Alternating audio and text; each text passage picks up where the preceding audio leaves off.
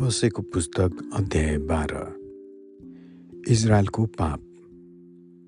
एफ्राइमले बतास खान्छ। त्यसले सारा दिन पूर्वीय बतासलाई खेद्छ। त्यसले निरन्तर झुट र हिंसाको सङ्ख्या बढाउँछ। त्यसले असुरसित सन्धि गर्छ र मिश्र देशमा जैतुनको तेल पठाउँछ।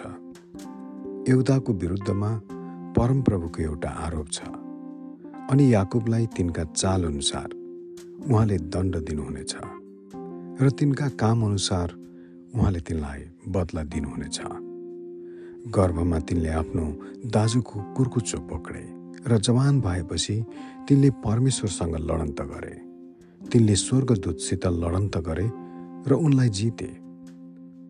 तिनी रोएर र उनीसित निगाहको निम्ति बिन्ती गरे। तिनले बेथेलमा उहाँलाई भेटे र उहाँसँग तिनले बातचित गरे। सर्वशक्तिमान परमप्रभु परमेश्वरसँगै उहाँको नाउँ प्रसिद्ध छ।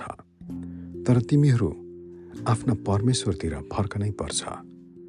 प्रेम र न्याय कायम राख र निरन्तर आफ्ना परमेश्वरको प्रतीक्षा गर। व्यापारीले छलको तराजु प्रयोग गर्छ। छल गर्न त्यो मन पराउँछ। एफ्राइमले यस कुराको घमण्ड गर्छ। म असाध्य धनी छु। म धनाढ्य भएको छु। मेरा सारा धन सम्पत्तिले गर्दा तिनीहरूले ममा कुनै अधर्म पाउने छैनन्। म तेरा परमप्रभु परमेश्वर हुँ। मैले तँलाई मिश्र देशदेखि ल्याएको छु। तेरा ठहर्याएका चाडका दिनमा झै म तँलाई फेरि पालहरूमा बस्न लाउनेछु मैले अगमवक्ताहरूसित कुरा गरेँ। तिनीहरूलाई धेरै दर्शनहरू दिएँ।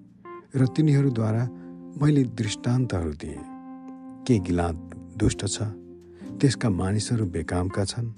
के तिनीहरू गिलगालमा साँडेहरूको बलि गर्छन् तिनीहरूका वेदीहरू हलो जोतेका खेतमा ढुङ्गाका रास जस्तै हुनेछन्। याको भागेर आरामको देशमा गए। इजरायलले एउटी पत्नीको निम्ति चाकरी गरे र त्यसको ज्यालाको निम्ति भेडाहरू चलाए। परमप्रभुले इजरायललाई मिश्र देशबाट निकालेर ल्याउन एकजना अगमवक्ता प्रयोग गर्नुभयो र एकजना अगमवक्ताद्वारा उहाँले तिनको हेरचाह गर्नुभयो।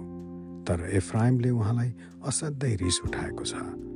त्यसका परमप्रभुले त्यसले बगाएको रगतको दोष त्यसमाथि रहन दिनुहुनेछ र त्यसका अवहेलनाको निम्ति उहाँले बदला लिनुहुनेछ। आमेन।